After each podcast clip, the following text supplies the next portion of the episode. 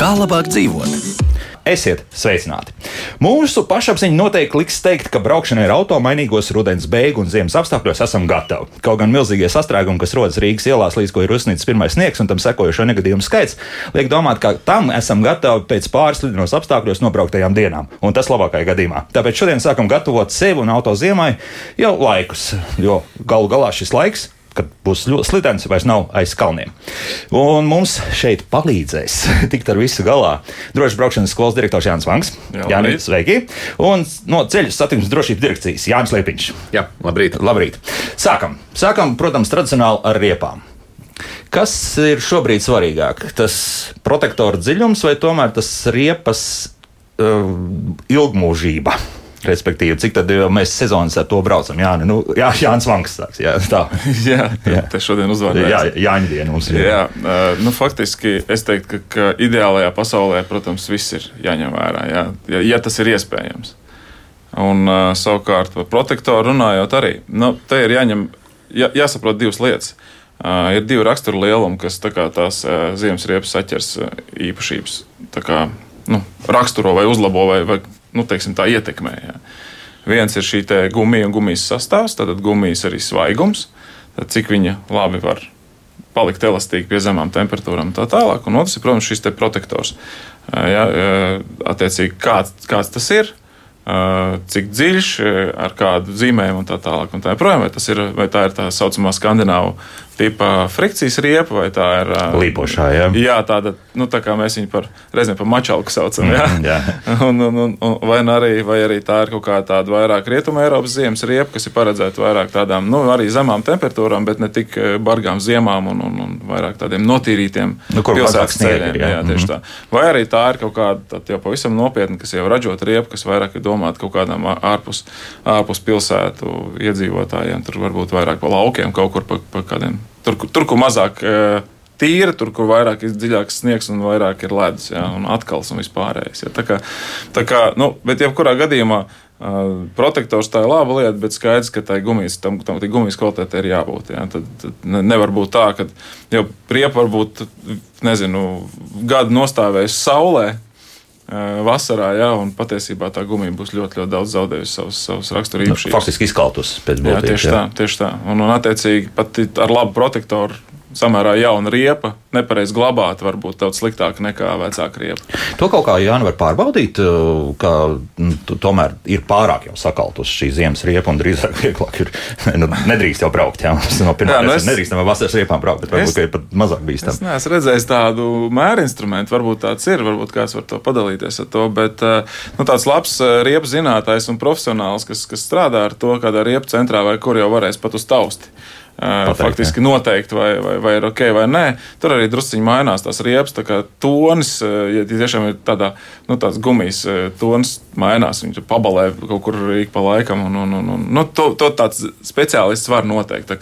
Labāk, protams, ir nedomāt pašiem uz savu galvu, ja nav pieredzes, bet tomēr griezties pie kādiem uzticamiem speciālistiem, kas var pateikt, vai nu šī riepa ir vēl lietojama vai nav lietojama, un, un vai varbūt kaut ko izvēlēties citu. Jo jāsaprot, nu tad tā slidināšanās tālāk pie kā labi nenovedīs. Jā, ar Protams. šādām ķieģeļriepām braukājot. Jā, Jāni, otram Jānim Liepiņam jautāšu. Jūs arī uzkrājāt informāciju par to, cik tad vecas ir šīs riepas, izējot uh, tādu tehnisku apskati.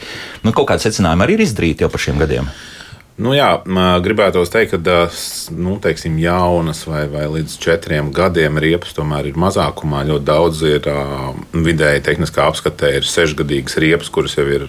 Nu, teiksim, tas ir pārsvarā sešgadīgas riepas. Un, un, un, nu, es gribētu teikt, ka tā jau ir tā kritiskā robeža, kad nevis būtu vēl jābrauc, bet būtu jau jāsāk domāt par riepas maiņu un, un, un šo īpašību no riepas puses zaudēšanu.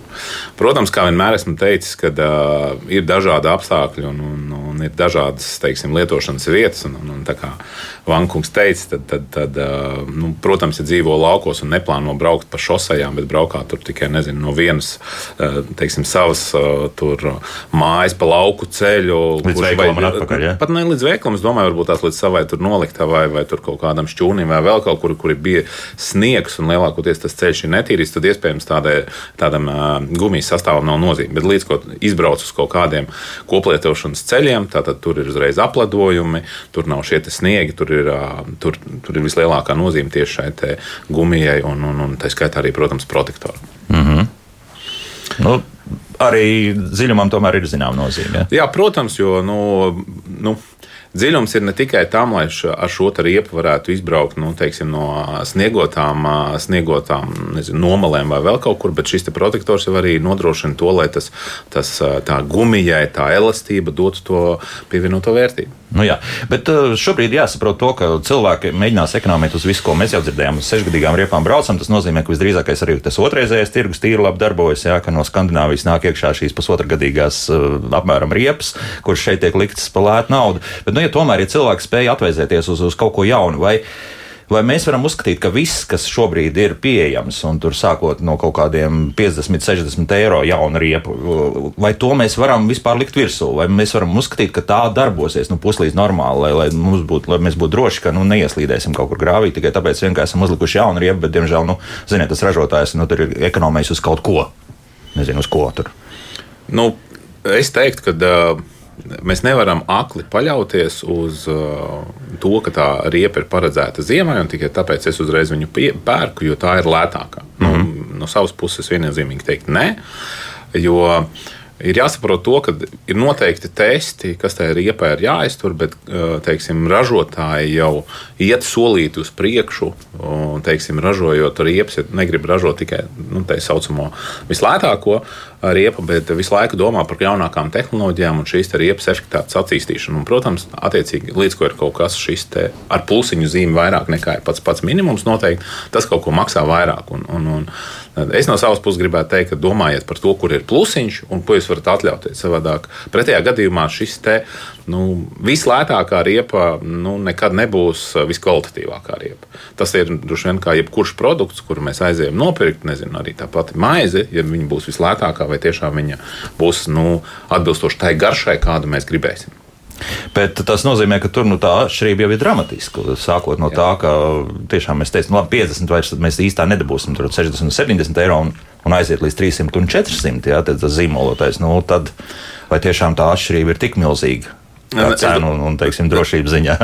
es domāju, ka uh, Jānis man papildinās, bet uh, nepavelti ir nepārtraukti uh, riepu testi. Profesionāļi, kuri veic šos riepu testus, salīdzina gan dārgā gala riepas savstarpēji. Tieši labā ziņa ir tā, ka netiek salīdzināts dārgais gals ar lētu garu, parādot, ka no par 300 eiro tas ir vienīgais veids, mm -hmm. kā tur nopirkt drošu riepu. Bet salīdzina tieši tajās atbilstošajās budžeta kategorijā, vidējā kategorijā, teiksim, premium klases kategorijā. Salīdzina šīs riepas savstarpēji. Protams, arī šos rādītājus, ja kāds interesants ir, var salīdzināt, kuru kategoriju viņš var izvēlēties. Bet arī budžeta klases kategorijā var atrast kvalitatīvas riepas ar ļoti labām īpašībām Vienkārši tikai jāsako līdzi. Un, un es gribēju teikt, ar katru gadu tas mainās. Nevar paņemt pagājušā gada testus un teikt, nu, viss tagad šī bija riepa ļoti laba.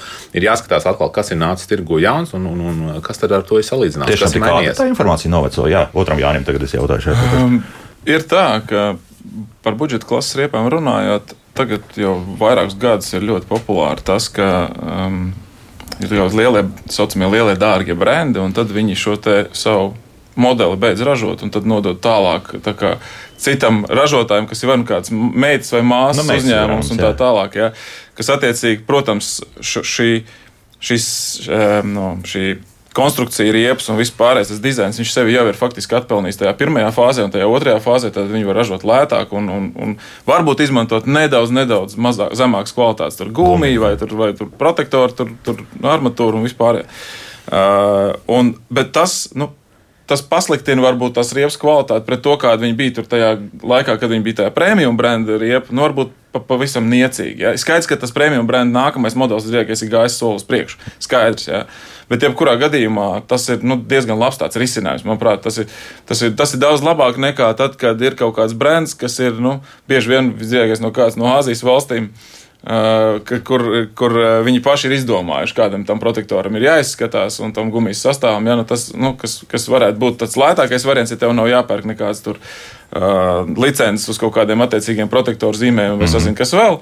Ja, nu, ir bijuši pašā, pašā sākumā, tad, kad nu, mēs runājam par Ķīnā ražotām riepām, jo faktiski tās ir tās lētākās, kas piepludina mūsu, mūsu šos veikals. Un, un man, man, man bija personisks viens gadījums, kad es redzēju, ka ir, tādi, ir šie riepu, riepu centros, ir tie pacēlāji tādi, kur, kur tu uzbrauc virsū, un viņš tev tā kā no apakšas paceļ to automašīnu. Nu, tad tas, tas slīpums tāds drusciņš bija mitrs, un bija atbrauc ar nu, pa, pasvaigām tādām tajā laikā. Nu, Ķīnas zīmes riepām. Viņš nevarēja uzbraukt uz tā slīpuma, tāpēc, ka tā gumija ir tik, nu, jāsaka, plastmasīga ka viņiem vienkārši nav šī saķers spēja. Nu, skaidrs, ka tas ir kaut kāds ekstra gadījums, kaut kāds ārprātīgs. Es nezinu, es vairāk nekad neko tādu neesmu redzējis, bet es ar savām acīm to redzēju. Un, un tāpēc ir jāsaprot, ja, ka uh, budžets ir laba lieta, vajag, vajag rēķināt, vajag skatīties, bet vienmēr vajag atrast šo līdzsvaru starp budžetu un drošību. Mm -hmm. ja, jo galu beigās riepa, mēs jau vienmēr to atgādinām, ka rie, nu, mašīnai ir četri plaukstas lielums saķers punkti ar, ar, ar braucamo daļu. Ja, un jo efektīvāk šie saķers punkti ir, jo labāk. Ja, tāpēc nu, vai ir vērts riskēt, uh, iekonomēt kaut kādu nelielu daudzumu naudas vai nē, nu, es teiktu, ka nē, visdrīzāk. Uz tām pāris sezonām, ja nu, jā. tur pielikot klāt, nu, savus, nu, cik tas sanāks? 20, 30 eiro?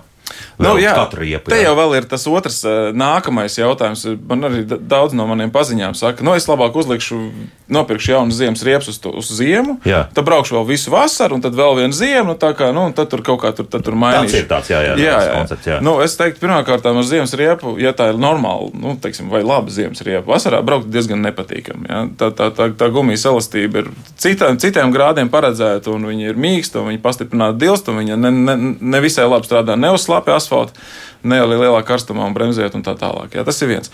Otrām kārtām, ja mēs Nu, man, mana matemātika ir drusku savādāka. Manuprāt, ka, ja tu esi nopircis jaunu ziemas riepu komplektu un tu viņu uzliec laicīgi un noņem laicīgi, un tu esi nopircis jaunu vasaras riepu komplektu un tu arī, arī viņus maini laicīgi, tad patiesībā tā, tā, tie divi komplekti tev gada griezumos nokalpos īstenībā ilgāk. Nekā un, jā, un tu brauks visu laiku drošāk. Daudz drošāk. Tev vasarā tev būs vasaras riepas, un ziemā tev būs nu, ziemas. Saulītē neatstāt šīs riepas. Tieši tā, galvenais jā. ir pareizi viņas uzglabāt. Jā. Jā. Nu, kaut kur pagrabā vai kaut kādā ēnainā vietā. Mm -hmm. Bet nu, tagad par to pareizo mainīšanu, vai šobrīd, nu tagad mums tāds oktobra vidus, jau nu pāri oktobra vidum, nu principā jau vajadzētu būt ziemas riepām virsū. Nu, mēs droši braukšanas skolā automašīnas jau esam aprīkojuši. Aprīkojat, jā? Jā, tas nozīmē, ka principā šobrīd pēdējais brīdis pierakstīties, lai, lai mēs nu, nevaram jau zināt, kurā brīdī būs uh, kaut kāda atkala. Nu, būs saucamais melnais ledus, vai kaut kādā brīdī mums pārsteigs atkal kārtējo reizi nesagatavots kaut kādā rudenī, pārsteigs arī kaut kāds uzkritušais sniegs. Jā. Mm -hmm, jā. Jā, nu, tā ir piebildīts. Jā, es viennozīmīgi piebiedro, piebiedrošos Jāņa teiktajam, ka noteikti rosināt, un mēs arī savā autoparkā jau sā, uz, esam uzsākuši šo riepu maiņu uz, uz ziemas riepām.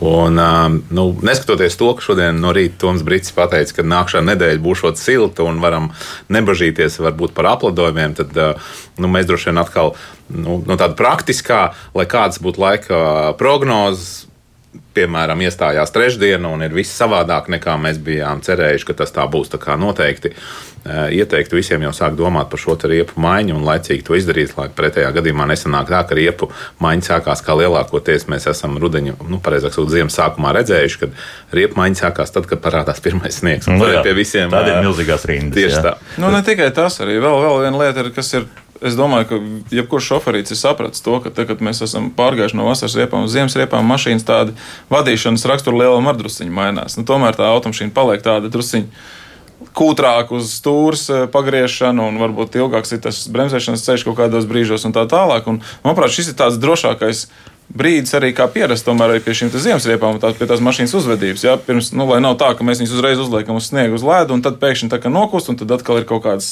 citas, citas iespējas. Ja? Jo Gala beigās, man liekas, tā, kad cilvēks uzliek šīs ziemas riepas, tas nozīmē, ka viņš jau sāk tomēr domāt par ziemu. Tas nozīmē, ka viņš varbūt arī kaut kur iekšēji vismaz pārliecina sevi, ka nu, tagad vajadzētu to modinātāju varbūt agrāk uzlikt, jo no rīta vajadzēs sniegu notīrīt vai ledu nokasīt un mašīnu uzsilīt, un satiksme būs lēnāka. Viņas pietaupīt, jā, nu, galā, tieši tā, jā, tieši jā, tā. Un arī, un arī to, un arī to braukšanas stilu kaut kā pielāgot tomēr šim brau, ziemas braukšanai. Ja? Mm -hmm. Tā kā es domāju, ka šis ir ļoti labs brīdis eh, nepazaudēt ļoti daudz laika stāvot rindā kaut kādā panikā un pie riepu montētājiem. Nu, labi, bet uh, to es atceros, ka vienreiz pērkot jaunas riepas, man piebrīdināja, nu, ka plus 10 grādu šīm ziemas riepām nu, nebūs tas labākais variants. Un tad mēs uh, tā kā dzirdam, ja nākamajā nedēļā ir, ir viss plus 10, plus vēl kaut kur saulīt uzspīd dienas vidū. Vai jūs esat pamanījuši, ka tiešām tā ir, ka tad ir jāuzmanās, braucot uz ziemas riepām, ka kaut kā tās varētu strādāt ne tā, kā nu, tam vajadzētu būt? Nu, respektīvi, ka kaut kur sabremzēties, vēl kaut kas izslīdēt vairāk, vai, vai kas cits notiek. Jā, es teiktu, ka, ja mēs runājam par 15, 20 grādiem plusā, tad, tad tas ir tāds ļoti jūtams varbūt, gadījums.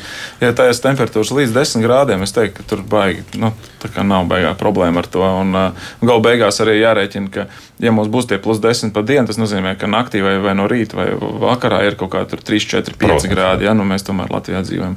Tad, kad tajos 3, 4, 5 grādos nu, šī vasaras riepa jau ir faktiski cieta kā akmens un, un, un nedara arī tik labi, kā, kā gribētos. Un tādās ikdienišķos tempos braucot, arī tā temperatūra šajā riepā ne, nekādā veidā neuzkāpj. Ja tas ir ja sportiski brauc kaut kur trasē, tad, protams, vasaras riepa būs ātrāk, jo viņā dabūsim to temperatūru iekšā agresīvi braucot, bet pa ielu jau to, to nevajag darīt. Un, un, un cerams, ka neviens nedara. Tāpēc, tāpēc es teiktu, ka tā nav baigā problēma. Plus arī nu, nebraucam tik agresīvi, varbūt tā, nu, neuzsākam tur ar spolējušiem riteņiem, tur nebremzējam tur tā kā ABS tirkšķi un tā tālāk. Nu, jā, tagad reti to var redzēt. Nu, lietas, jā. jā, kas, kas patiesībā varbūt nav slikti. Nav slikti, jā. Bet eh, vēl, vēl ātri atgādināšu, kārtīgi reizi bruģis, eh, šīs nokritušās skaistās rudens lapas un, un eh, riepas ar radzēm. Tas ir ļoti jautra kombinācija. Jā, slīd ļoti labi ar visiem elektroniskajiem sistēmām. Es teiktu, ka jebkura ziemas riepa, nu, slapja bruģa un lapām, un arī vasaras riepa, nu, tas ir mm. ne tikai raģu riepas, tas ir jebkurā gadījumā. Principā, bet, bet man, man gribēja tiešām uzsvērt Jāņa teiktajiem par to, ka par to priekšlikumu, kad ehm, mainīt laicīgi, lai pierastu pie šīs zie, ziemas riepas ehm, nu, teiksim, īpašībām, kas ļoti izteikti maina šo automobīļu vadāmību. Tā ir ļoti, ļoti, ļoti svarīga lieta un ļoti nopietna lieta, arī, nu, arī es personīgi izjūtu, cik nomainās šis te automobīļu uzvešanās uz ceļa, tad tiešām nomaina no cietajām vasaras riepām uz jau mīkstajām ziemas riepām. Un tas ir tiešām ļoti labi un ļoti slikti pret tiem, kur, kur izvēlās braukt visu cauru gadu ar vienām tipa ziem, nu, ar vienu tipa riepām, mm -hmm. neizjūtot šo te maiņu un paliekot pie tā viena braukšanas. Nu, bet viena mūsu radioklausītāja jautā par to priekš dāmām, par vissezonas riepām. Nu, es zinu, ka visi speciālisti vienmēr ir kritiski, bet tām vissezonainiecēm brauc un, un sevišķi jau dažādi suvi, respektīvi parketi čips saucamie, jā, tie dod vaļā un, un pārāk nesūdzas. Nu, ko jūs teiksiet? Jānis Vanks ir uz āks. Jā, nu. Nu, jautājums ir iemesls, kāpēc.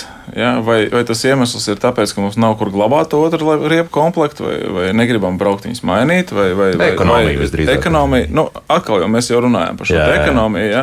Es teiktu tā, parasti par, par, par tām vissezonas riepām, es teiktu, ka tas, kas dara visam, nedara nekam. Uh, varbūt pirmajā sezonā, ja tā vissezonas riepa ir uzlikta rudenī uz ziemu jauna. Un mēs braucam tīri pa pilsētu, faktiski lielākoties pa notīrītām ielām un, un tādām mitrām ielām. Tad varbūt arī nekāda problēma baigā nebūs. Jā, ir sevišķi, ja tas ir kaut kāds pilnpiedziņas auto, tikai jāatcerās vienmēr to, ka šie suvi vai, vai, vai, vai, vai nosacītie džipi, ja, kas brauc, kam ir arī pilnpiedziņa, eh, nu, pātrinās viņi, protams, ātrāk nekā, nekā vienas piedziņas, ja, bet bremzējās visas automašīnas vienādi. Plus vēl šie suvi parasti ir smagāki, tas nozīmē, ka bremzējās pat garāk ceļi. Ja. Tā kā, tā kā, nu, vai, man, manā pasaulē, manā pasaulē nav tās matemātikas kaut kādas pareizās, lai es saprastu, kāpēc man būtu jāliek visu sezonas riepu virsū, vai arī jābrauc visu caur gadu ar ziemas riepu. Ja? Nu, es kaut kā. Es, es kaut kā neredzu tur tos bonusus, jo nu, skaidrs, ka mūsu tā darba specifika ir tāda, kur mēs vairāk pievēršam uzmanību satiksmes drošībai un visam pārējiem, un redzam, cik ļoti smagi negadījumi notiek un cik ļoti daudz nepatīkamas situācijas var rasties. Tāpēc es kaut kā galīgi uz to nemēģinātu ekonomēt. Un tāpēc es, es noteikti neieteiktu izmantot visu sezonas riepu. Nu, labi, varbūt kāds radioklausītājs uzrakstīs, ka viņam ir ļoti laba pieredze. Teiksim, daudz, jā, varbūt. tā brauc, Var jau būt. Jā, Var jau būt. jā, jā Es- otram es- Jānim. Jā, jā, jā, ko es domāju, ka noteikti kāds arī nu, to atbalstīs, un, un, un viņš teiks, ka nav bijusi slikta pieredze ar šo. Bet, jebkurā gadījumā, no tā, ko mēs visi runājam, tātad ziemas riepa ir mīksta, vasaras riepa ir krietni cietāka, lai panāktu šo te vasaras dinamiku. Nu, tad, ja taisa kaut ko, kas ir vissezonas, tad kaut kas tiek noņemts no mīkstuma nost, lai pārāk vasarā nebūtu šī te riepa mīksta, un atkal ir pielikts cietums, lai tā riepa būtu vasarā. Nu, tad, attiecīgi tiek zaudēta kaut kāda īpašība priekš vasaras, kas varbūt tās nebūtu tik liela nozīme, bet lielākā nozīme, protams, ir tas, ka tiek zaudēts šis te ziemas riepas mīkstums. Mm. Un tie ir tie kompromisi. Un galvenais, gal beigās, ja mums arī būs kāds klausītājs, kurš pateiks, ka viņam ir bijusi nu, laba, laba pieredze, ja, te ir jāatcerās vēl viena lieta. Ja. Mums ir, es, es pieļauju, ka ļoti daudziem ir laba pieredze, nu, vai teiksim tāda. Nav sliktas pieredzes, lietojot arī mobilo tālruni pie, pie, tel- pie stūra. Ja? Tas gan, jā. Ja, nu, tas ir viens mirklis. Tā, mēs runājam par vienu to momentu. Tas ir tas viens izšķirošais brīdis, kad notika kaut kāda neparedzēta situācija, kad mums vajadzēja strauji nobremzēt, strauji pagriezt stūri vai izvairīties no kaut kādām nepatikšanām. Un tikai tas brīdis, ja viņš nav pienācis baigi labi, nu forši jums, jā.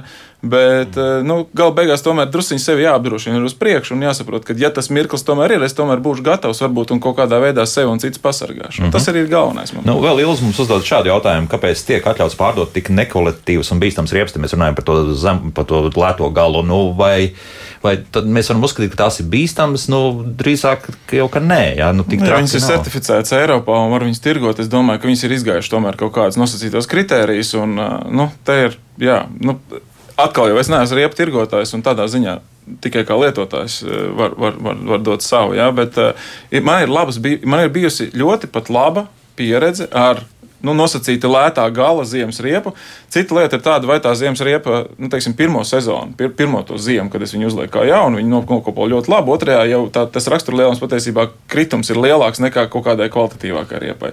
Vai tas ir tāpēc, ka šī gumija uzglabājot pat labā vietā, tomēr nolietojas ātrāk kaut kādā veidā, vai, vai kaut kas, vai, vai tur protektoru specifika, vai vēl kaut kas. Tās, tās ir kaut kādas citas lietas. Jā. Bet patiesībā man ir bijušas ļoti labas, eh, labas pieredzes ar, ar, ar nosacītu lētā gala riepām, kārtīgos ziemas apstākļos, un tā, tā riepa ir lietojama. Mm -hmm. Tiešām ir. Jā, nu, uz kaut ko jau ekonomē, bet nu, Jā. katrā Jā. gadījumā viena vai Jā. divas sezonas iespējams, ka to tā. būs kārtībā. Nu, ja būs vēl jautājumi par riepām, tad, tad mēs, protams, atbildēsim, bet eh, šajā gadījumā ejam pie nākamās sadaļas bremzes. Bremzes, un, un šeit es gribētu arī jautāt eh, Jānim, kā cilvēkam, Jānim Liepiņam, kurš ir nu, jau labu brīdi braukājis ar elektroautorātu, tad mums eh, pirms kaut kāda laika eh, raidījumā ir izskanēja par to, ka dažiem elektroautorātiem tās bremzes ir diezgan sliktā stāvoklī, tāpēc, ka tiek lietotas ļoti maz, jo tiek lietot pārsvarā rekuperācijas sistēma. Nu, tad par bremzēm kopumā un, un arī elektroautobremzēm. Vai ir tik briesmīgi, ka tās ir jāuzmanā īpaši elektroautorātam? Es gribētu teikt, ka, nu, kā jebkuru automobili, protams, vienmēr vajag pārbaudīt ne tikai pirms ziemas, bet arī jā, periodiski.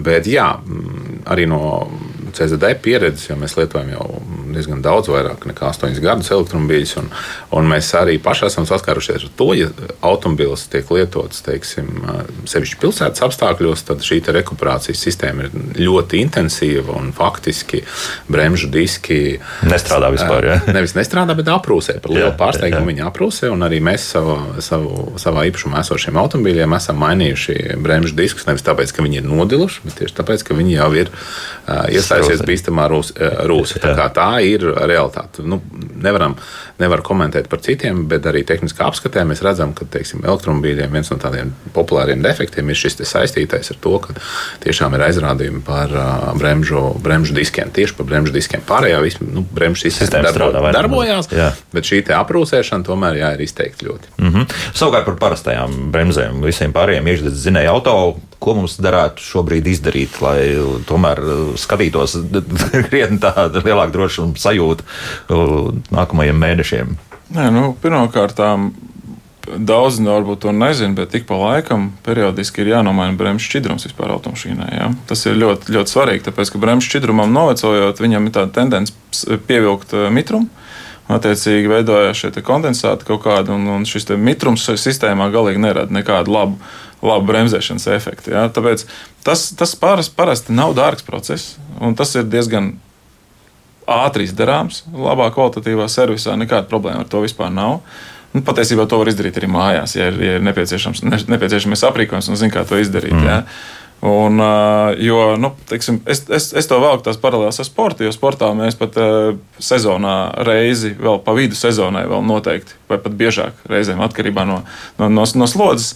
Tomēr par šosei runājot, pie tā. Jā, jā. Par, par, jā, jā, tieši tā mm. par autošosei runājot. Uh, mēs, mēs mainām šo bremžu šķidrumu tikai tāpēc, lai viņš būtu labas kvalitātes. Ja, jo tas ir nu, nenovērtēt pa zemu to. Tas ir viens, otrs ir skaidrs, ka kad, nu, bremžu sistēma atrodas tādā ļoti nepateicīgā vietā mašīnai. Tas ir tur, kur viss sāļi, akmeņi, grūži un vispārējais. Tas nozīmē, ka tur pastiprināta rūsēšana, protams, notiek. Pastiprināt arī, arī šo elastīgo elementu, gumiju, un, un putekļu sargu un tā tālāk. Bojāšanās arī notiek. Ja? Līdz ar to skaidrs, ka nu, nu, bremžu sistēma Nu, sāksim ar to, ka atkal jau es vienmēr velku kaut kādas paralēlas ar sportu tikai tāpēc, ka sportā ir tas pats, kas ielā, tikai desmit reizes eh, Ekstremā. izteiktāk. Jā, jā. Jā, un, un, un patiesībā, tā, kad tu brauc uz trasi, tad pirmais, ko tu izdari automašīnai, ir sakārtot bremzes. Nu, nav svarīgi, cik ātri viņa ieskrienās tā automašīna, bet, ja viņa nevarēs nobremzēt, tad tev nekas tur nesanāks. Un es teiktu, ka ielas mašīnai noteikti tas ir tas, tas pats. Jā.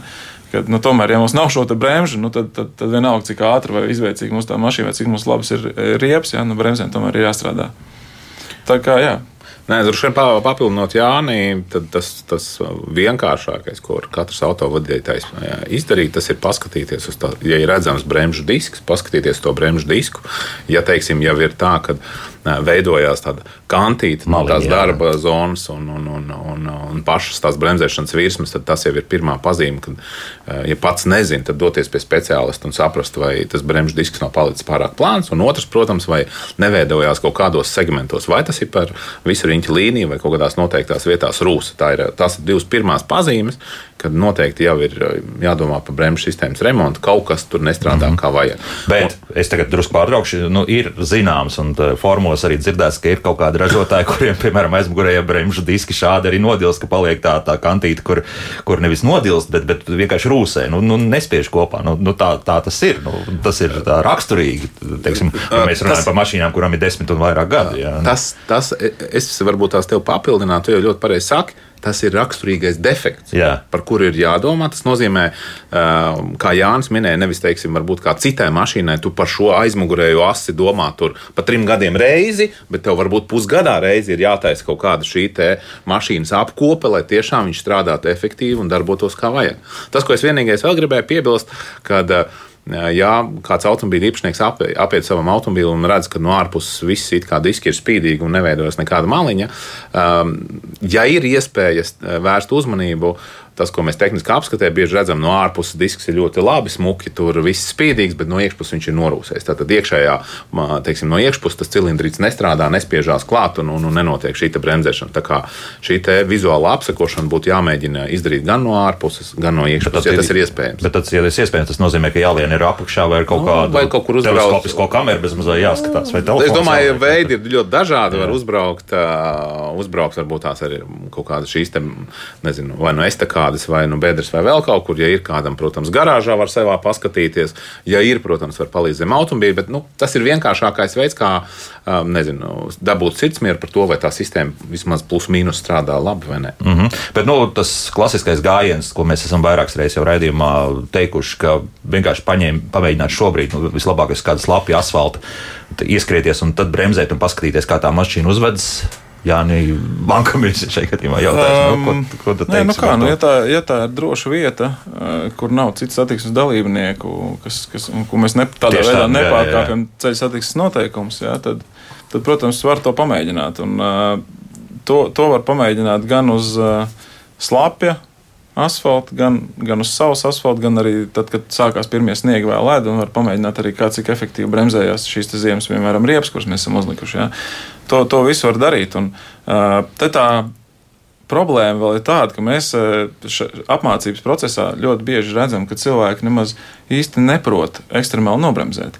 Jā, tagad, tagad CSDD eksāmenā arī šis elements, cik saprotu, arī tiek pārbaudīts. Jā, jo, nu, Tā, tā, tas ir tā, tā liekas nonsens, bet cilvēki neprot kārtīgi nospiest bremžu pedāli. Ne, ne visi, protams, bet ļoti pārsteidzoši liela daļa neprot. Jā, nu, tā kā tas spied un viss, nu tas ABS tur strādā. Tieši tā. Kādam ir bail no tā, ka tas ABS tur tirkšķi, kādam ir vēl, nu, es nezinu, kāpēc cilvēkiem mēdz būt pilnīgi bail. Nu, tu viņam vienkārši pasaki, ieskrienies līdz 30 km/h un, un ritīgi sabremzē. Nu, cik viens spēks uzsit pa pedāli. Jo, jo patiesībā e, ražotāji pat dod garantiju uz bremžu pedāli. Viņš nolūzīs, tad tu tur var tur dabūt diezgan, jā, diezgan jā, jā. liels kompensācijas. Tā kā nav jābaidās no tā, tās lietas. Jā. Un, un Jūs būsiet pārsteigti, cik ļoti daudz cilvēku tomēr to nespēja izdarīt. Jā. Tad, uh, kā, Kāpēc to vajadzētu trenēties? Kā to jāvajadzētu tad mērīt tādā gadījumā? Tas nozīmē, ja tu tā aktīvi uzspied uz bremzes pedāli un iedegs avārijas gaismiņas. Jā, ne tas, visām mašīnām, ne protams, tas ir. Jā, bet, bet jā. Tad, tad uzskati, ka tu esi tāds kārtībā. Tad, tad, tad tur viss ir kārtībā. Tad ir, tieši tad, tā. Nu, tieši tā. tā, mums kāds klausītājs ir piezvanījis. Uzklausīsim viņu. Lūdzu! Labdien! Labdien. Es pagājušajā gadā pirku ziemas riepas un, un, un, un, un, un skatos M un S, M plus S virsū. Un tad es sāku protestēt, ka man nevajag visas sezonas, man vajag ziemas, un tad viņš teica, ka ir tagad visām ziemas riepām tas M plus S. Mm -hmm. Tā ir taisnība. Labi. Vai tā ir taisnība? Ja? Ir viss kārtībā, jā. Jā. Jā. Ir viss kārtībā. Tas, ko es gribētu teikt no, no šī brīža situācijas tirgo, tātad Uz doto brīdi vēl joprojām M plus S ir atļautais mar, nu, marķējums uz riepas virsū, kas pasaka, ka viņi nu, ir savā ziņā testēta ziemas apstākļiem. Es tāpēc uzsveru, ir savā ziņā testēta ziemas apstākļiem. Es noteikti visiem radioklausītājiem ieteiktu izvēlēties nevis M plus S marķējumu virsū, bet šobrīd ir parādījies jaunais marķējums. Faktiski tas ir nācis no Skandināvijas puses, kur, kur teiksim, mūsu tomēr klimatiskie apstākļi ir tuvāk Skandināvijai. Tur ir tādi trīs kalnu virsotnītes vai alpu zīmīti, kā mēs viņu saucam, kas, kas raksturo, ka tiešām, tiešām šī riepa ir paredzēta apledojušiem ceļiem un ļoti sniegotiem ceļiem. Tāpēc Ja kāds šobrīd plāno izvēlēties ziemas riepas, noteikti neieteikt izvēlēties M plus S marķējumu, kas nenoraksturo šo, kā mēs tagad arī minējām, to, ka kaut kādas lētās riepas ar, ir ar ziemas marķējumu nav tik labas, tad izvēlēties tieši šo raksturojošo ar trīs kalnu apzīmējumu uz riepas, kas dos to pārliecību, ka tā ir paredzēta jau Skandināvijas tipa ziemā. À, es pat nebiju pievērsis uzmanību. Es zinu, ka man bija tāds riepas tieši ar šo alpu kalnu, ka tur M plus S vairs nav virsū. Nē, varbūt, var būt, var būt, var būt, bet viņi var būt, var nebūt, bet galvenais, lai šīs te alpu, tas, tas dos lielāku pārliecību, ka tās ir ziemas riepas. Tā, tā, tā jau, ja tu dzīvo ārpus Rīgas, tad, tad, tad tas noderētu, jā. Nu, Pilnīgi šāds. Rīgas, Arī jā. Rīgā noderētu, mhm, noteikti. Mm -hmm. Jā, jā, jā Jānim Mākam es vēl pajautāšu, nu, um, vēl par to bremžu šķidrumu maiņu. Nu, kā zināms, tad, ja mēs paskatāmies mašīnās, cik bieži jāmaina šis bremžu šķidrums, tad daudziem ražotājiem tas ir bezmazliet, laikam, ja nemaldos, tur gandrīz div, div, divos gados reizi jāmaina. Ja? Tas tiešām ir tas pareizais algoritms, vai mēs varam palaist drusku brīvāk un vaļīgāk un, un Nē, to darīt nu, nu, pēc četriem, pieciem gadiem, ja tas nav. Pirmkārt, viss ir atkarīgs no tā, kā mēs lietojam automašīnu cik intensīvi, kāda ir noskrējiena un vispārējais. Ja, tas, ir, tas ir viens, un nu, palaist vienmēr jau var. Es nu, tā kā um, nu, baigi. Labā ziņa tam, tam, tā, tā, tam bremžu šķidrumu novecošanas procesam ir tāds, ka nenotiek nekas pēkšņi. Ja? Nu, parasti nenotiek pēkšņi. Parasti vienkārši tā, nu, paliek šis bremžu pedāls vai nu mīkstāks, vai tur nu, kaut kā, nu, ka nav, nav tik efektīva tā bremzēšana vai vēl kaut kas tamlīdzīgs. Ja? Nav tā, ka viņi uzreiz pēkšņi izslēdzās, tāpēc, ka tur derīguma termiņš ir beidzies bremžu šķidrumam. Mm -hmm. Es varu papildināt Jāni, kad uh, nu, šī saruna, ka pagarināt jau var, tā jau nav tikai par bremžu šķidrumu. Arī par motoreļu to pašu saka. Nu, eļļas ražotājs saka, nu jau var 15 kaut kādā ražot. Nu, es domāju, jaunākām, protams, tur 30, 25, 15 un tā tālāk. Un, un ir citi, kuri vēl tomēr pieturās. Nē, es labāk mainīšu pie 10 tūkstošiem nu, tā diskusija nekad nebeidzas. Mm. Nu, labi. tā. tā, ko mums vēl mājaslapā šobrīd Edgars jautā šādi, kāpēc lētā gala bremžu kluči bremzējot rada čīkstošu skaņu? Tas nav. Tas tā nav. Es, ne, es neteiktu, ka tas ir tāds rak, raksturojošs tieši lētā Lēt. gala bremžu klučiem. Tas nav. Bremžu čīkstēšana tas ir pavisam cits cits process, ja tā var teikt. Jā, protams, iespējams, ka kaut kāda daļa no tā var būt saistīta ar bremžu kluču uzlikas sastāvu. Jā. Bet faktiski bremžu čīstēšana var būt arī ļoti, ļoti kvalitatīvām bremzēm, jo tas vairāk ir saistīts. Nu, tur tāds zinātnīs, tur jā, jā, jā, jāiedzinās vairāk tajā visā lietā, bet tas, tas ir saistīts ar vibrācijām, kas notiek, kad, kad, kad notiek bremzēšana, un tā čīkstēšana patiesībā ir tāda vibrācija rezultātā tas notiek. Un, un tas var notikt arī ar ļoti, ar superauto, tur superbremzēm kaut kādām, šķiedras. pilnīgi, jā, jā, jā absolūti, jā, tas, tas, nepārtraukti, tas vienkārši jā. varbūt un sporta automašīnās un lielās temperatūrās un tā tālāk, tas arī pilnīgi mierīgi var notikt. Tā kā, tā kā tas nav, nu, Tas var būt kaut kāds gadījums, tāds, ka tiešām šis sastāvs eh, bremžu klucim ir, ir kaut kāds tāds īpaši čīkstošs, ja? bet lielākoties tas nav saistīts tieši ar to, ka tas ir lētāks vai dārgāks bremžu klucis. Nekolatīvi ielikts vienkārši šie bremžu kluči. Ne? Tur tā īsti, nu, nu var jau arī nekvalitatīvi ielikt, un var arī bremžu disku galu beigās uzlikt nekvalitatīvi, eh, bet, eh, bet nu, es domāju, ka drīzāk nē. Mm -hmm. nu, vēl mums atkal par mm, riepām jautā, kā ar dzelkšņiem. Vai uz tīras ziemas riepas var būt dzelkšņi? Es domāju, laikam visdrīzāk, ka radzes ir domāts. Varbūt, ka, varbūt, ka nezinu, ķēdes vēl arī. Es Nu, nezinu, vai? Latvijas apstākļos kā Ķēdes tas baigi vajadzētu, bieži. jā, tāds, jā. es, es, es, nu, es zinu, ka Eiropas kalnos, tā kā braucot bez ķēdēm, tev pat nelaiž attiecīgi, at, at- attiecīgos Augšā, jā. nogriežņos ceļā. bet, ja mēs runājam par radzēm, tad kāds bija jautājums, vai, vai drīkst būt vai kā? Vai? Vai uz tīras ziemas riepas var būt? Nē, protams, Jā. ka redzes nebūs noteikti uz vasaras riepas. Jā, jā. Jā, Bet jā. uh, ziemas riepas, nu, teiksim tā, tirgotāji jau šobrīd ir nu, piekop ļoti dažādus tos, šos savus market, marketingus. Un, un, un, viņi var tirgot riepas bez radzēm. Paredzot savu veidu tehnoloģiju, ja klients vērās šajā riepā radzes, tad to arī iestrādā uzreiz tajā pašā pārdotu, nu, pārdošanas vietā, iestrādā ar visām radzēm. Tā kā, nu, kādreiz bija vienkārši tur redzēt, vai nu ir ar radzēm, vai nu nav ar radzēm. Šobrīd jau ir aizgājis tā, tā ka uh, to Ražojamu riepu var nopirkt bez Tieši- radzēm. tieši tā, tieši tā. Nu, tad, ja Nu, ir vēlme, tad, tad, uh, Tad arī pats. iekšā. Bet jā. arī var paņemt to pašu riepu un teikt, man nevajag redzes, un es turpinu mm -hmm. braukt. Arī Jā. tas ir variants, un, un arī ir cilvēki, kas tā, tādu risinājumu izvēlas. Un, uh, tas, ko vēl vajadzētu ņemt vērā, ja ir kaut kāda vēlme izbraukt ārpus Latvijas robežām, tad, protams, ir jāpaskatās, jo ir liela daļa Eiropas valstu, kurās ražots riepas nav atļauts lietot. Ja? Tāpēc, tāpēc, ja mums ir plāns pēkšņi, nezinu, ziemā aizbraukt kaut kur tur caur. Poliju, kaut kur jā, uz tiem pašiem Alpiem, nu, tad, tad ar ražotām riepām mēs tālu nekur neaizbrauksim. Ja? Tā kā nu, atkal Skandināvijā tā nav problēma. Ja? Tāpēc, tāpēc nu, tas arī, protams, jāņem vērā, izvēloties riepas, jo tas tomēr mēs pērkam viņus uz vairākām sezonām, es gribētu ticēt uz priekšu, un, un, un tad ir jā, jā, jāsaplāno, varbūt vai jāpadomā, vai es tomēr pa tiem trīs, četriem gadiem, tam trīs sezonām, kuras es lietošu tās riepas, vai es, es plānoju es aizbraukt tomēr kaut kur ārpus un uz kurā, kurā virzienā vai nē, un tad izvēlēties attiecīgo riepu. Lai, lai pēkšņi nav tā, ka man jābrauc uz Alpiem, man ir ražots riepas, un man jāpērk vēl viens komplekts ar riepām. Mm. Jā, jā. Tas, ko es varbūt tās par ražu riepām atcerējos un gribēju vērst uzmanību radio klausītājiem, kad tehniskā apskatē nu, teiksim, nevērtē šo te ražu nodilumu. Nu, tā kā tas ir jau uz pašu kā, auto īpašnieka atbildības, bet tas, ko noteikti katram vajadzētu pārliecināties, ka, ko vērtē gan tehniskā apskatē, gan arī, protams, ceļu policijas ceļi, kad ražotās riepas nedrīkst būt pārāk daudz šo ražu, kuras jau ir izkritušas ārā un neatrodas riepās. Tātad, ja jau jums parādās, ka ir kaut kādi segmenti vai vēl kaut kas, kur ir izkritušas šīs rādas ārā, tad jau ir jāsāk domāt par šo riepu maiņu, vai nu arī ir.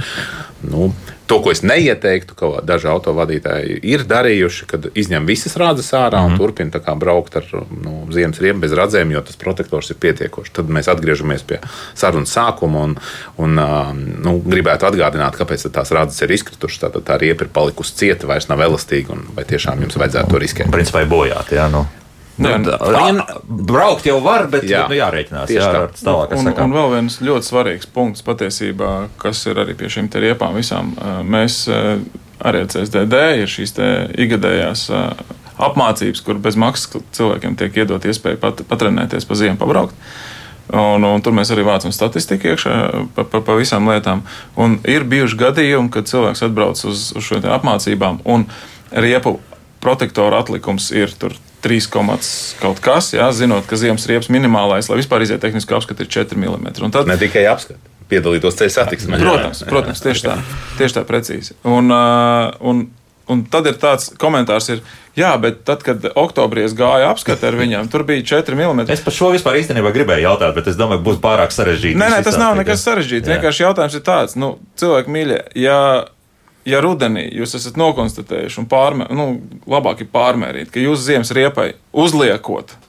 Plānojot viņu uzlikt, ir 4 mm protektora atlikums, tad tā faktiski jau no starta sāk, sāk, sāk palikt par nelegālu riepu.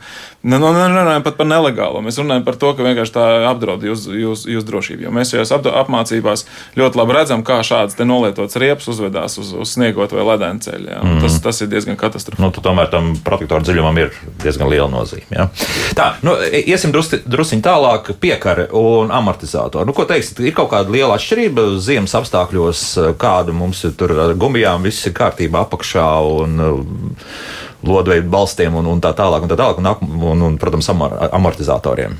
Vai, vai principā vienmēr visam būtu jābūt kārtībā, nu, protams, gan vasarā, gan ziemā? Protams, ka visam vajadzētu būt kārtībā, bet uh, skaidrs, ka ziemā izlēma noteikti vairāk šīs problēmas. Uh, nu, varbūt uh, tā tīri mehānisks, tur, ja tur ir kāds lodbalsts uh, vai, vai vēl kaut kas sabojājies, tad varbūt uz tādu labāku saķers vasarā labāk jutīsim, ka kaut kas piekarē staigā. Jā, bet, uh, bet kopumā nu, jā, nu, jāatcerās ir tas, ka amortizatori nodrošina maksimālu saķeri riepai ar braucamo daļu. Un jo kvalitatīvāk tie ir, jo labāk tomēr šī, šis automobīls nolasīs šo ceļu. Ja? Un, ja mēs atceramies, tagad mēs esam varbūt to aizmirsuši, bet mēs zinām, ka ir tie piebrauktie ledus tādi kluči, kas ir kūstot un atkal piesalstot uz braucamās daļas, kad it kā ir notīrīts, bet ir, nu, respektīvi, tāds, nu, tāds Es pat nezinu, kā to nosaukt. Jā, tā sauc tautas valodā par pampakiem. Jā, jā, jā, tieši jā. tā. Jā. Un, un tad skaidrs, ka, ja mēs braucam pa tādiem, tad arī nu, tā amortizators, ja viņš strādā, tad ir labi. Un, ja viņš nestrādā, tad nu, faktiski, un ja vēl ir tā firma tomēr ir slidena, nu, tad tā ir diezgan riebīga kombinācija. Mašīna vai pamest gaisā un tālāk, nu, kā, kā mēs saslīdam to savākt. Tieši tā.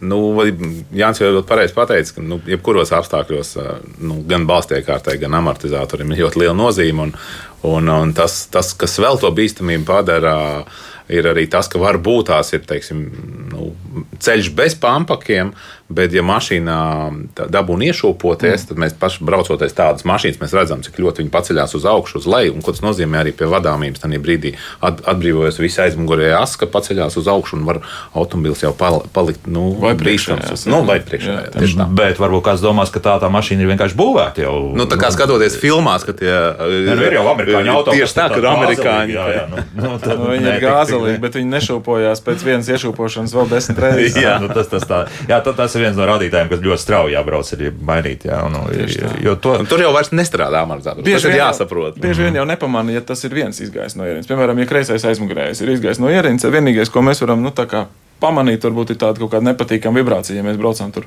pa bruģi, tad pēkšņi nezinu, kāpēc kreisajā tur aizmugurējā daļā tā vibrācija vairāk. Vibrācija, jo, jā, jā, jā, nu tieši vibrācija, jo viņi jau tomēr šī, šī riepa lēkā ne tā nesinhroni pret eh, pārējo automobīlu, un tad, tad tā vibrācija parādās. Un, Nu, tas ir viens no variantiem, kā to. Ja mēs tur, nezinu, braucam līkumā, un, un arī iebraucam kādā bedrītē, pēkšņi mašīna kaut kā tur jocīgi, tā aizmugurē nostaigā vai, vai nu, nenoklausa tā, kā tam būtu jābūt. Ja, tad arī jāpievērš uzmanība. Varbūt.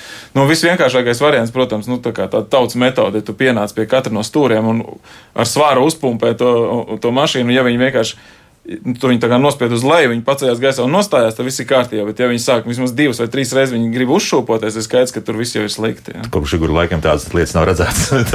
jā, bet tas ir, tas ir diezgan efektīvs variants. jā, tas, ir, tas ir lētākais un vienkāršākais variants, kā pārbaudīt. Jā, kā pārbaudīt jā. Nu, lūk, ko mums vēl, Viktors, mums tāda interesanta atkal projām par riepām runājot. Ieteikums vecākiem auto liekot uz ziemu metāla diskus, diska centru un saskarsmes vietas mazliet noklāt ar biezas konsistences smērvielu. Jūs sakāt, jā, jā. jā, jā protams. Tas pavasarī nav pārsteigums, ja kādu disku pēc tam grūti ir noņemt. Tas nav tikai ar, ar patiesībā arī ar alumīnija diskiem mēdz būt tieši tāpat. Nu, ir jānotīra šīs virsmas, pie kurām to riepu mēs uzliekam. Un, un, protams, rūpīgs autovadītājs var arī tur pasmērēt kaut ko. Es teiktu, ka tas jā. smērs jau šobrīd ļoti labi ir šis te nu, ķīmijas, ķīmiski, teiksim, automobīļu palīgi. Šīs te visi līdzekļi ir attīstījušies ļoti strauji, un ne tikai šīs te virsmas ir speciāli līdzekļi, bet arī iesaka skrūves, lai pavasarī, un tas nav tikai ziemas riepām, arī vasaras, nu, ziemas diskiem, arī vasaras diskiem. Es pats arī ieteiktu lietot šos ķīmiskos nu, palīgu līdzekļus, kas pēc tam atvieglo dzīvi. Vienkārši, ja jūs paši mainat savas riepas un savus diskus, tad jūs varēsiet arī viņus viegli noņemt. Bet viens neliels bažas par to, ka tādas mērvielu pārāk daudz uzliekot, tur pēc tam balansēt šo riepu ar disku, ne, ne, ne, neradīsies nekādas problēmas, vai, vai pēc tam pēkšņi sāk tur ne. kratīties vai vēl kaut kas tāds. Labi, droši vien veselu katliņu nevajag. Nu, nevajag parasti jau tur ir tādas pūšamie, pūšamie baloniņi, aerosoli. Tur ar to nav problēmas. Jā, Oi, mums pavisam maz laika palicis, ir, un uh, tādā gadījumā vēl par tādiem ziemas jautājumiem. Nu, mēs mīlam braukt ar dīzeļiem. Ko darētu dīzeļauto īpašniekiem šobrīd kvēlsveits, kā tās pārbaudīt, un cik tām liela domāju nozīme ir tad, kad uh, gaisa temperatūra varētu noslīdēt zem mīnus desmit un vairāk grādiem. Pirmais, ko es gribētu teikt, Jā. ar ko arī nu, savā lokā es esmu saskāries, protams, nu, mēs varētu iet par šo visu sistēmu, bet pirmais neaizmirst to, ka cik daudz ir ieliekta vasaras dīzeļdegviela, un tad pirmajā Jūs salā tvertnē, ja. iznāk ka to, ka nevis tur kvēlsveits vai vēl kaut kas, bet vienkāršā lieta bija saliec vasaras dīzeļdegvielu un attiecīgi pienāk ātri ziema un nevar automobīļi pabraukt vairāk un iedarbināt.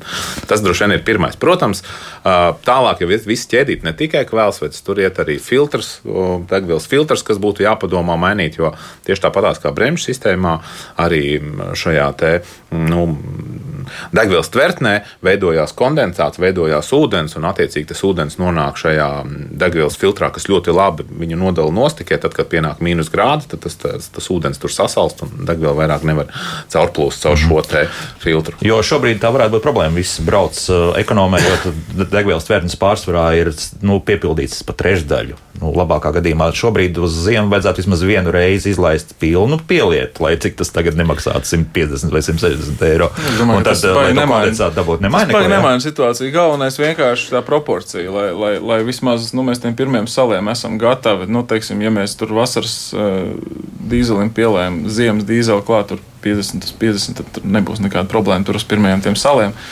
Es domāju, nu, tie, tie lielie mīnus jau tik strauji neatnāks. Gan jau, ka to, to atlikumu no vasaras dīzeļa jau, jau tomēr paspēs cilvēki no, nu, izbraukāt. Mm -hmm. Parasti ir ar otro mašīnu problēma. Tā kā viena ir nolikta maliņā, jā, tad kaut kas tāds - jā, jā. Tieši tā. Tieši tā jā. Nē, nu tad jau, ja mēs par šķidrumiem dažādiem runājam, labi, bremžu šķidrums, tad mums jau ir bijis tāda degviela. Mēs arī salējam laikus jau šobrīd liekas, ka ziemas degviela jau dīzeļa degviela sāk tirgot jau, jā. Tad to nebūtu problēmas. Un... Daudzos benzīna degvielas jau šobrīd ir, var izvēlēties degvielu, kur ir līdz mīnus 10 10 grādiem. Un, tā derēs. Jā, jā. Tā derēs. Bet vēl viena lieta no - logu šķidrums. Jā.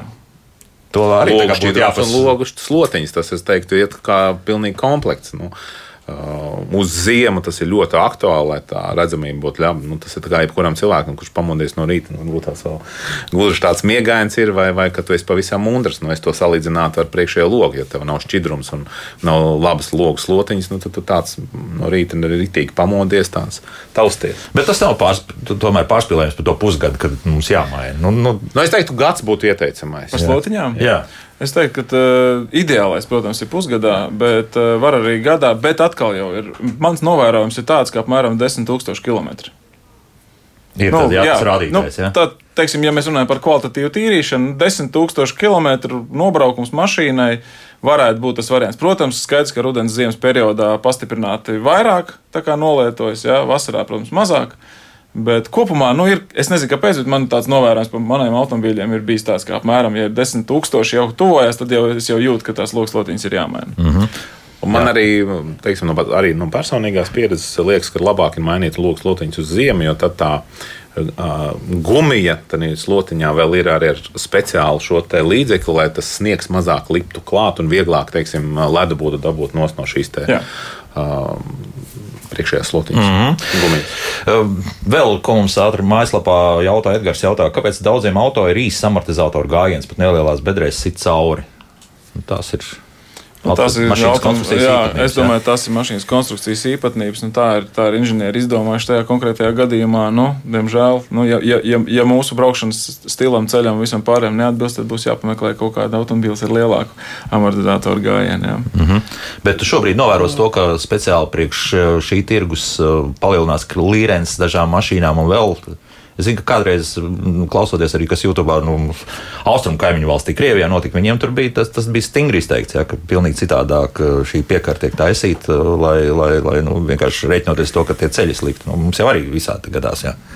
Nu, Jā, tā, es domāju, ka šis ir jau tāds nu, auto īpašnieka nu, iespēja pa, pilnveidot automobīlu arī ar rūpnieciski paredzētiem amortizatoriem. Ir cietāki amortizatori, ir mīkstāki, ir sportiskāki. Nu, tad jau tur var izmainīt. Jā, respektīvi. Jā. Protams, jā, viens, viens no variantiem. Otrs variants, protams, skaidrs, ka arī riepas, ja mums ir kaut kāda lielāka diametra diska ar zemāku profilu riepu, tad skaidrs, ka arī tad, tad, tad būs cietāka reakcija uz, uz šiem te gadījumiem. Un, savukārt, ja mēs izvēlamies kaut kādu lielāku komfortu, varbūt tad attiecīgi augstāku profilu riepu un mazāks uh, diska diametrs pieliks vēl tikai komfortu klāt uh, automašīnas uh, braukšanas īpašībām. Mm -hmm. Pēdējā minūte mums palikusi. Došu jums iespēju varbūt pateikt to, ko noteikti vajadzētu pateikt. Nu, neaizmirstiet, ka ir ziema ka tuvojās ziema, un tāpēc pārējām uz, uz laicīgāku mošanos no rīta. Ierēķinām, ka automašīna būs jānotīra, jāsagatavo braukšanai. Laicīgi sagatavojam un samainām šķidrums, riepas un vispār, kas ir vajadzīgs, un nodrošinām redzamību. Atceramies, ka gājēji un riteņbraucēji vispār mazāk aizsargātie bieži vien nelieto atstarotājus. Tāpēc braucam prātīgāk, domājam uz priekšu un, un cienām viens otru. Ka kaut kas ir ļoti neredzams uz ceļa, varētu būt. Jā, Otram Jānim. Jā, droši vien es varu tikai visam pievienoties no tāda praktiskā, lai mēs it kā izrunājam visu par automobīlu. Tad es gribētu teikt, neaizmirstiet arī par uh, durvju gumijām. Viņas arī ieeļot, lai nesanāk tā, ka automobīlu piedarbināt it kā var, bet durvis atvērt nevar. Tur tas silikons mērīti tādi. Tieši tāds, bet, jā, silikons mērīti. Un, un otrs, ko mēs jau arī šeit runājam, un, un, un kāds no radioklausītājiem bija uzdevis jautājumu par šo bremzēšanu, tad atgādināt, ka CSDD arī rīko un kopā ar drošu braukšanas skolu rīkojam spe, ziemā speciālas iespējas biķernieku trasē tieši atsvaidzināt savas iemaņas un saprast, kā tas automobilis bremzējās, nebremzējās un justies vēl drošāk. Nu, tagad sniegu vēl vajag. Ja? nu, tur ir jāsako līdzi, kad mēs piedāvājam. Jā. Arī ir kaut kādas iespējas, kad, kad lietainos laikos piedāvājam, bet, protams, sniegā tas būtu viss, viss, viss efektīvākais. Šobrīd ievērojam distanci, tas pat būtiskākais. Jā? Tieši tā. Nu, tā. Un, jā, un domājam līdzi ar galvu. Drošas braukšanas skolas direktors Jānis Vanks un no ceļu satiksmes drošības direkcijas Jānis Liepiņš bija kopā ar mums. Paldies, Jāņi, par sarunu. Raidījums Kalbāk dzīvot atvedās līdz pirmdienai. Pirmdien mēs um, turpināsim ekonomēt, mēģināsim ietaupīt šo to, kā mainīt paradumus, kas var sniegt arī enerģijas ietaupījumu. Runa šoreiz par centrālo apkuri, vai te kaut kas ir um, darāms par arī pašiem, lai tomēr maksātu mazāk šos rēķinus. Tad par to pirmdienas raidījumā. Jauku, siltu nedēļas nogali un tiekamies jau pavisam drīz. Atā!